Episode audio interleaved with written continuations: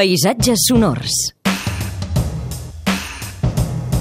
Albert Murillo, bon dia. Molt bon dia. Demà, com tenim un programa més reduït, que comencem a les 9 i per tant no tindrem paisatges eh, sonors, avui dijous ens porta un so d'un altre artista sonor. Avui és el torn de Dallas Simpson. Sí, eh, d'un treball seu que es diu Fragmented Tracks i que podem trobar a la net label L'Escutxa Atenta. És una, és, un, és una botiga online on podem trobar treballs fets amb sons.